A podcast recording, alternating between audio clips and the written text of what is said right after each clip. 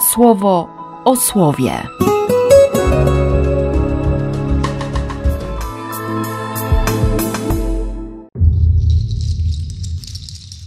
Dwudziesty grudnia, poniedziałek. Chwilę wcześniej jeszcze Bóg powiedział do Izajasza, żeby, żeby wyszedł na spotkanie z Achazem razem ze swoim małym synkiem, Szariaszubem. I żeby powiedział konkretnie Achazowi: Zachowaj spokój, ty się nie bój, niech twój duch nie gaśnie ze strachu przed Resinem i Pekachem, bo chcą zdobyć Jerozolimę. To się nie uda, to się nie spełni. Koniec. Tyle, że Achaz ma już swój pomysł. W ogóle tak mi przyszło do głowy, że, że cała dzisiejsza liturgia słowa to, to teksty o pomysłach.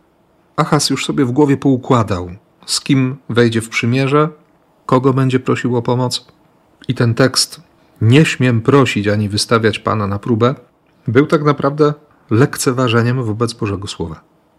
Dlatego Izajasz od razu odpowiada: Mała rzecz dla was iść na wojnę przeciw ludziom? Drżysz ze strachu. Dreszcz lęku ogarnął twojego ducha, jak kiedy wicher potrząśnie w lesie drzewami.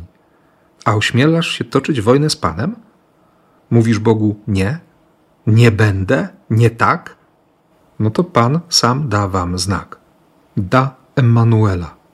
Pojawi się dziecko, które będzie konkretnym dowodem na to, że Bóg jest z wami. Bezbronne dziecko będzie znakiem wszechmogącego Boga. No i się to dzieje. Ten pomysł wreszcie doczekał się realizacji. Bóg znalazł dwoje młodych, którzy też mieli swój pomysł.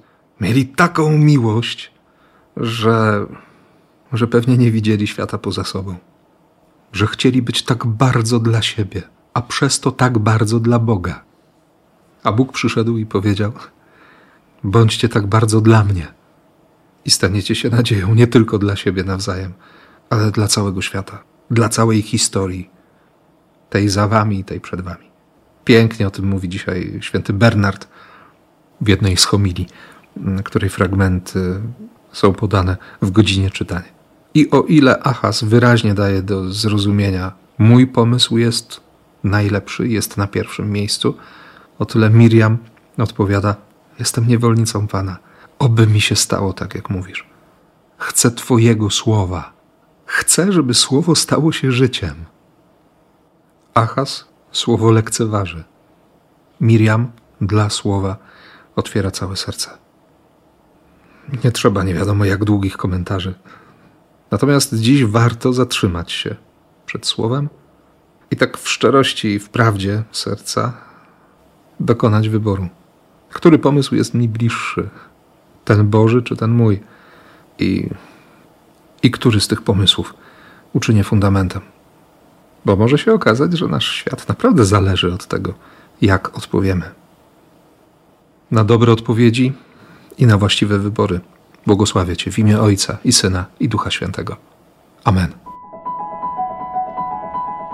Słowo o słowie.